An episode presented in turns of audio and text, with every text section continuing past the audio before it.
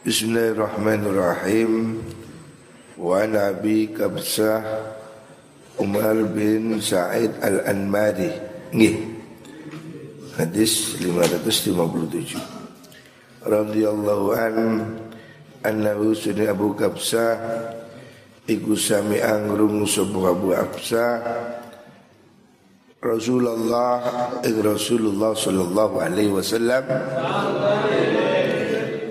Ya kulu halidawu sobo kanjeng Nabi.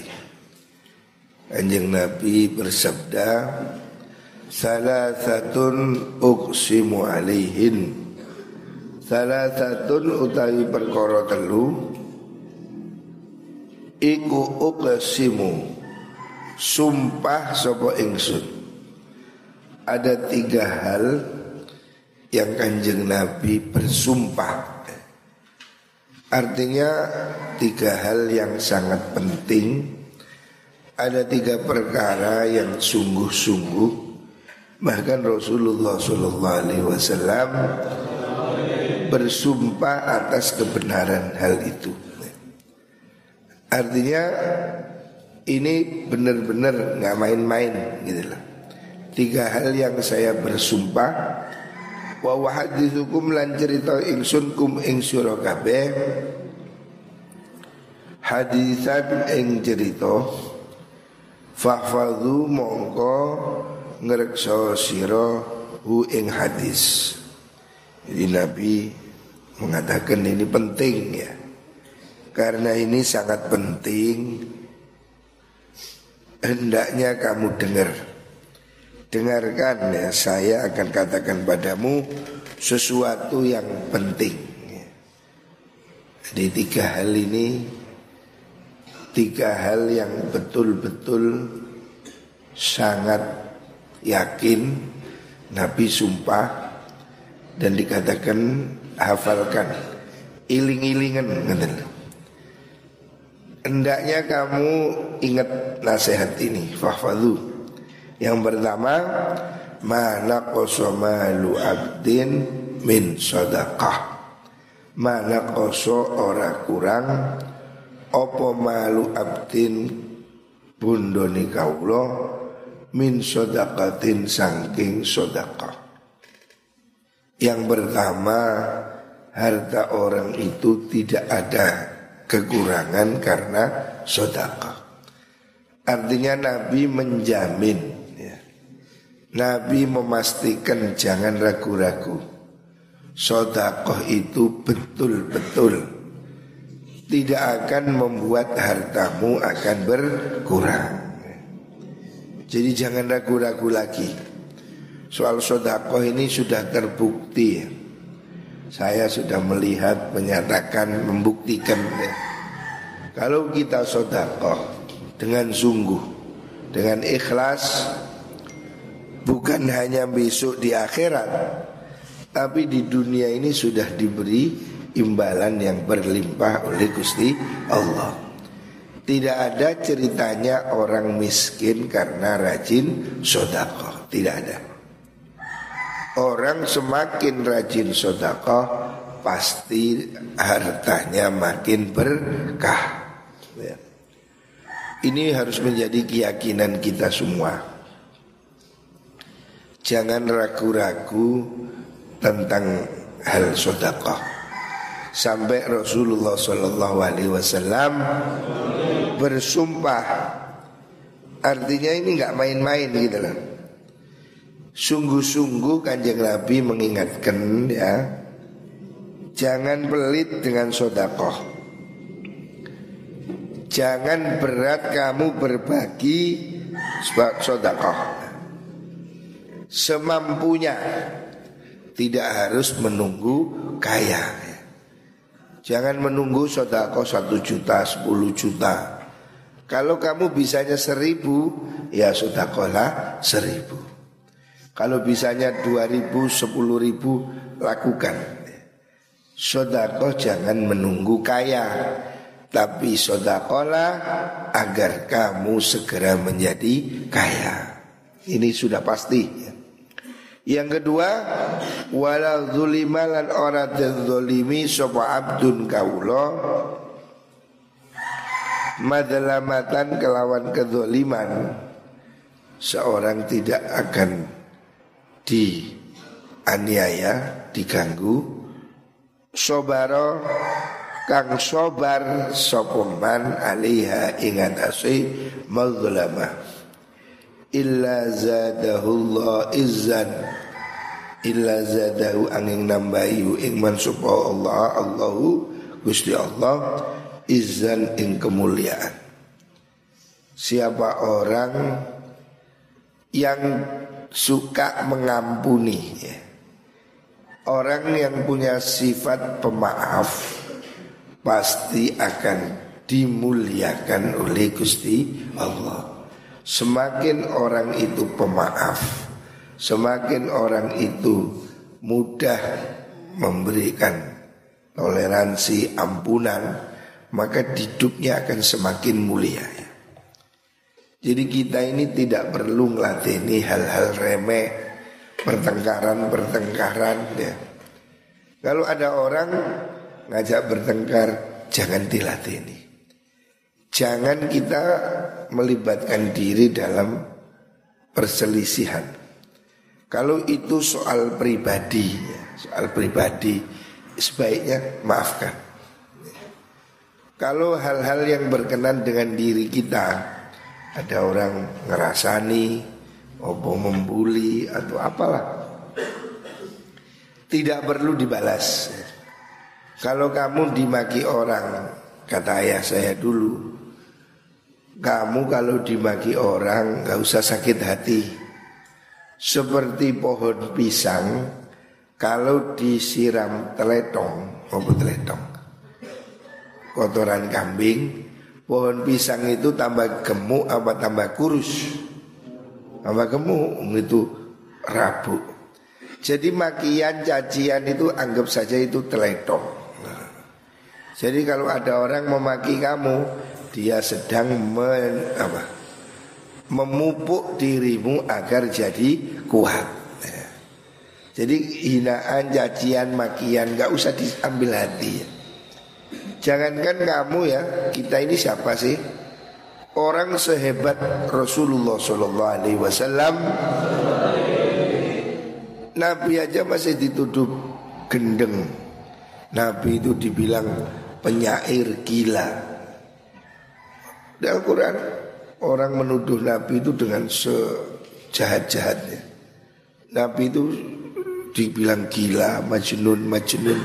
Sampai Allah membelai ma anta bini rabb bini amati rabbika bimajnun. Kamu tidak gila.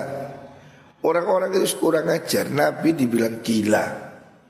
Tapi Nabi nggak sakit hati. Ya. Kita ini ya paling dibilang apa sih gendut paling. Artinya nggak usah marah ya, nggak usah marah. Kita tidak perlu banyak nanggapi omongan orang. Kalau memang kamu tidak salah ya sudah ya. Jangan kamu berharap orang semua itu apa akan diem nggak bisa. Lakukan aja apa yang harus kamu lakukan Yang penting kamu jangan nyakiti orang lain. Mulut manusia tidak akan pernah diam. Seandainya kamu baik pun Ya pasti ada aja orang yang menganggap kamu jelek. Seandainya kamu sudah baik hati Pasti masih ada orang yang menganggap kamu Alah caper umpamanya. Alah pamer Action umpamanya. Walaupun kamu berniat ikhlas Mungkin masih ada orang yang menuduh kamu tidak ikhlas. Walaupun kamu sudah berbuat baik Mungkin masih ada orang yang mengatakan kamu banyak pamre Allah Masih ada. Jadi kamu jangan nuruti omongin wong. Kata, Kalau kata ayah saya dulu Nuruti ronde gak jadi rombong. Nuruti lambe gak jadi uang Orang ini pasti ada aja lah. Seandainya kita ini baik, seandainya ya, apalagi tidak baik.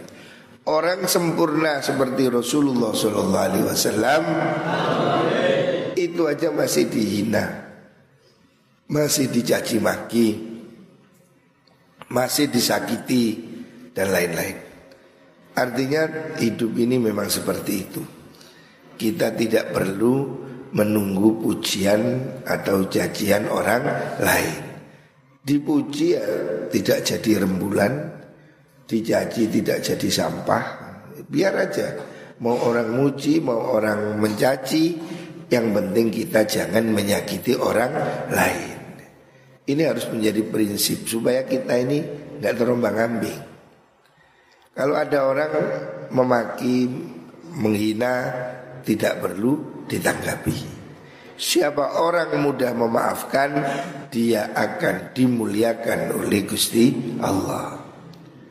Yang ketiga wala fataha lan orang buka sopo abdun kawula baba mas'alatin ing lawange jaluk.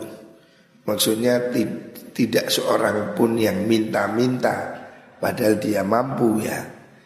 Minta-minta ini boleh kalau memang tidak ada. Kalau memang kamu posisinya butuh Boleh minta. Tapi kalau kamu posisi ada Janganlah kamu minta-minta Kalau kamu minta-minta Illa fataha angin buka sopo Allah Gusti Allah Alaihi ingat asiman baba fakrin ing lawangi kemelaratan. Siapa orang minta-minta maka dia akan semakin kekurangan. Ini tiga hal yang kamu harus catat. Nasihat ini harus dihafalkan, diingat ya. Yang pertama tidak akan harta berkurang karena sodako. Yang kedua Siapa yang mengampuni akan dimuliakan oleh Gusti Allah. Jadi jadilah dermawan Jadilah pemaaf. Yang ketiga Jangan minta-minta. Ya. Kalau masih mampu Lakukan sendiri. Kita ini harus berusaha Merasa cukup. Gak usah minta ya gengsi kita ini harus malu. Minta ini malu. Kalau bisa memberi ya. jangan hidup biasa minta minta. Au kalimatan untuk ing kalimat nafaha ing sepadane mengkuno kalimat. Wa hadithukum nyeritani ingsun kum ing sira kabeh hadisan ing hadis fahfadhu mongko ngrekso sira hu ing hadis Selanjutnya saya kamu kasih tahu hadis hafalkan ya. Ini ada dua nasihat. Yang pertama tadi nasihat hendaknya kamu bisa memberi ya. Siapa memberi pasti akan diberi ya. Tidak akan miskin orang karena sodaka Memaafkan Orang yang memaafkan akan mulia ditambahi mulia hidupnya oleh Allah. Yang ketiga jangan minta-minta. Nasihat selanjutnya Qala dawu Nabi adun innamad dunya angin mestini utawi tunyo Iku li arba ati nafarin kedua petang golongan Ada empat orang dunia ini seandainya diambil kelompok gitu ya. Sejarah garis besar ada empat golongan hidup di dunia ini. Dalam segi dia menyikapi keadaan kaya miskin. Ini ada empat kelompok. Ya. Yang pertama abdin rupane kawula rozaqahu kang paring rezeki hu ing abad sapa Allah Allah malan ing bondo ada orang yang oleh Allah diberi harta terus wa ilman lan ilmu ada orang yang diberi harta dan diberi ilmu ya. Artinya ini sempurna. Orang diberi harta, diberi ilmu. Ini nikmat ya. Dua hal ini nikmat hidup ya. Diberi rezeki, diberi harta, dan diberi ilmu. Ini dua hal penting ya. Sama dengan kemarin hadis Rasulullah Wasallam. Siapa orang ya diberi ilmu dan mengamalkan dan mengajarkan itu itu nikmat atau diberi harta dan dia belanjakan di jalan Allah. Dua ini sukses dalam hidupnya. Ilmu yang bermanfaat, harta juga yang berkah. Ada orang yang diberi ini oleh Allah, ilmunya cukup, hartanya cukup. Mugo-mugo santri dibarengi niki, eh? Hartanya cukup, ilmunya cukup. Ini ideal. Santri yang ideal seperti itu. Jadi saya kepingin santri seperti ini. Santri itu harus punya ilmu dan punya harta. Jadi wong alim sugih, wah itu cocok. Alim sugih, nikmat. Ojo wis bodoh melarat, udah berat ini. Abot. Jadilah kamu berilmu dan berharta. Ini tingkatan yang paling top. Fahuwa mongkau abad Iku yataki Ngedoi sopo abad. Maksudnya bertakwa Manut Fihi ing dalam mal Robbahu ing pangerane abad. Di mana orang diberi ilmu dan harta kemudian dia ngerti bertakwa pada Gusti Allah. Wa yasilu lan nyambung sapa man fihi ing dalem niku mal rahimahu ing sanae man. Kalau orang itu punya ilmu, punya harta, dan dia ini membuat hartanya jadi ramah melakukan silaturahim ya menyambung hubungan dengan kerabat tangga wa ya'lamu lan ngawuri sapa lillahi kedua Allah fihi ing dalem mal hakon ono hak dan dia mengerti kewajibannya ada hak Gusti Allah harta kita ini tidak semua milik kita. Ada yang itu miliknya Gusti Allah. Allah mempunyai hak dalam harta yang kita miliki. Lalu terus untuk apa? Untuk diberikan pada orang-orang yang dikehendaki Allah. Siapa itu? Fakir miskin, golongan penerima zakat. Jadi orang-orang miskin itu petugasnya Gusti Allah. Kalau ada orang miskin mengetuk rumahmu Sesungguhnya dia diutus oleh Gusti Allah Jangan kamu menghardik menghina orang miskin Sebab orang miskin itu datang mengambil haknya Allah Harta yang kamu miliki itu ada hak Gusti Allah di situ. Ada kewajiban yang harus kamu bayar pada Gusti Allah. Lah Gusti Allah tidak pergi ke rumahmu Gusti Allah menyuruh orang-orang datang mengambil Mereka yang datang mengambil zakat ke rumahmu Itulah orang yang diutus oleh Allah Mengambil haknya Gusti Allah Maka harus kamu layani ya. Jangan menghina orang miskin Sebab orang-orang miskin itu diutus oleh Gusti Allah mereka mengambil hartamu itu atas perintah Gusti Allah. Bab zakat itu diperintah Allah yang menyuruh mengambil itu Gusti Allah. Jadi orang-orang yang berhak menerima zakat itu petugas-petugasnya Gusti Allah yang harus dihargai.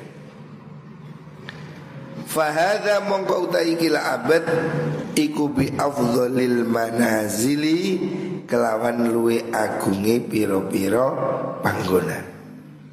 Ini tingkatan yang paling top.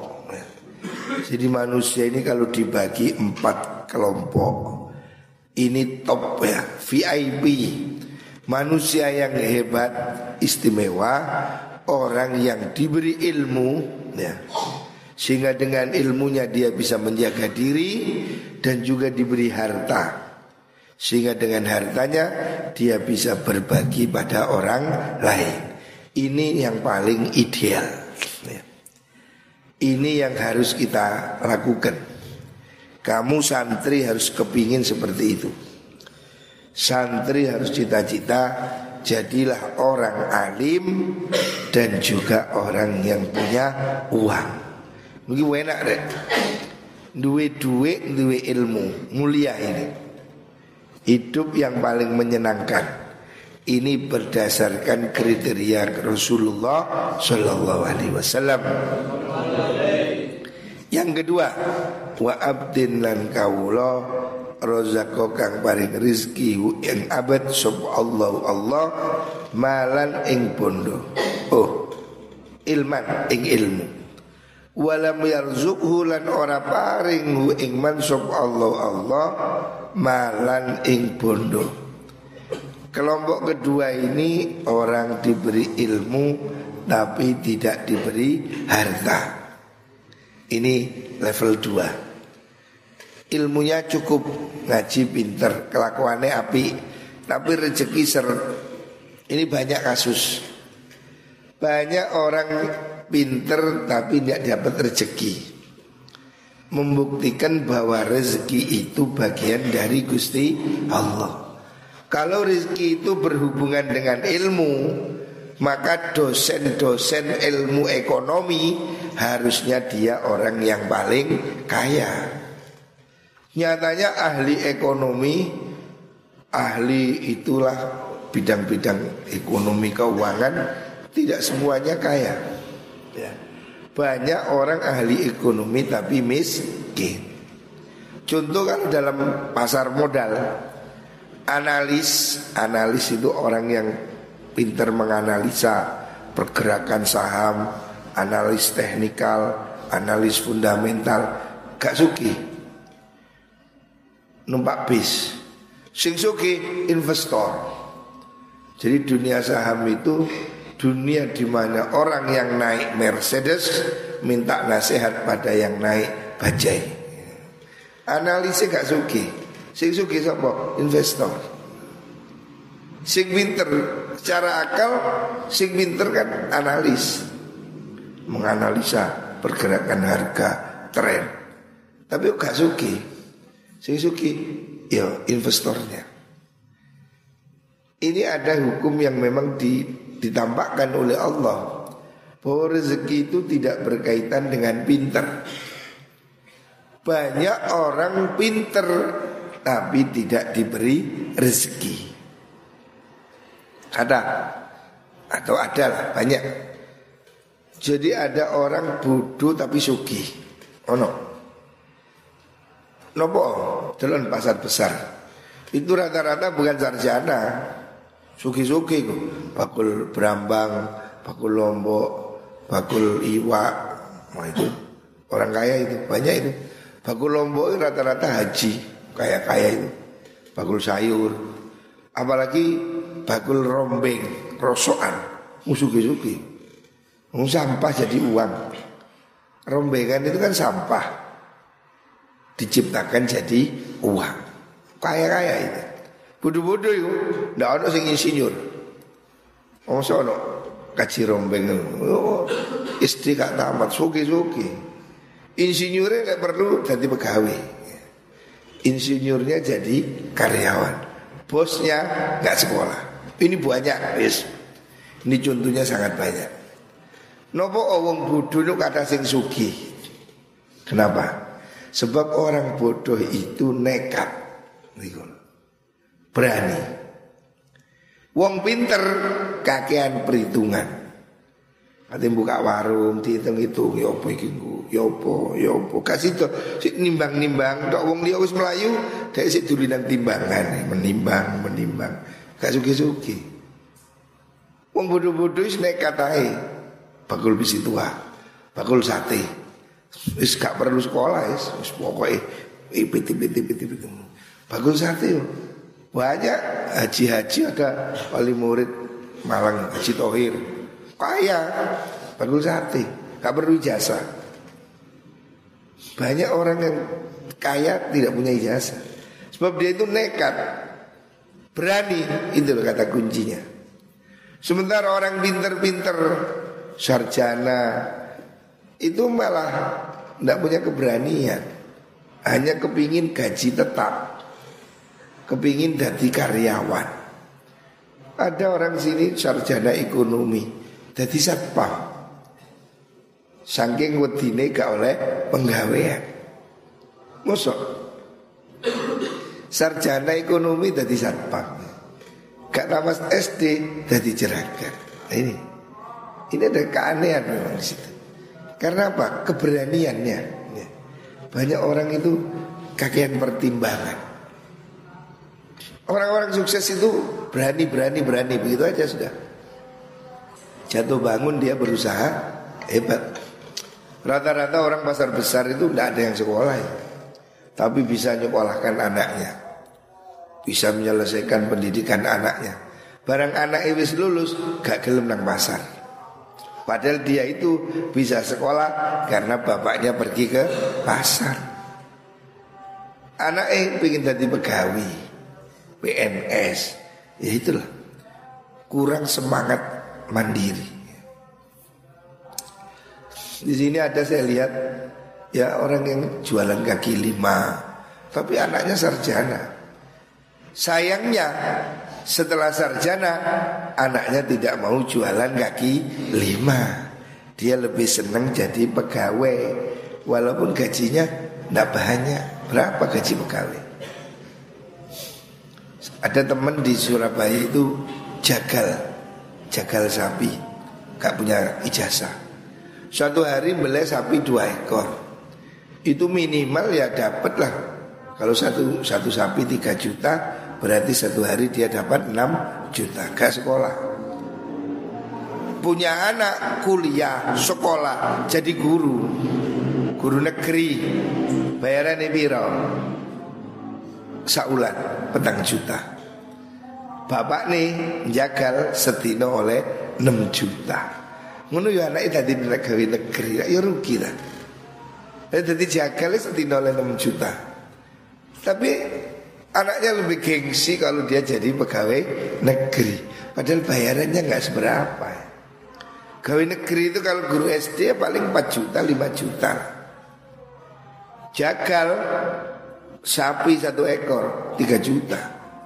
Dua ekor 6 juta 10 ekor Bayangkan Tapi tidak banyak orang yang berani menanggung resiko Kenapa orang lebih senang jadi pegawai Sebab pegawai itu pasti Bayaran tanggal siji. Walaupun itu tidak bisa Tidak bisa tinggi ya. Namanya pegawai ya, ya segitu-segitu. Makanya lah iso jadi pengusaha. Terus Fawa utawi menggunakan abad iku sodikun niati kang bener niati Ya kulu ngucap sopo abad. Lau anna li lamun tetep getui ingsun Malan ono bondo La amil tuyuting lakoni ingsun Bi amali fulanin kelawan amali fulan Fahuwa mengkau tawi mengkuno abdun iku biniyatihi kelawan niati fulan.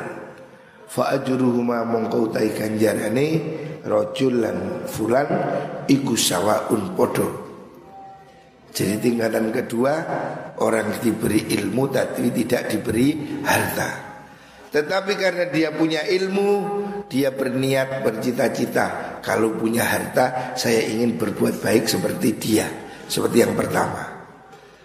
Dua orang ini nilainya sama.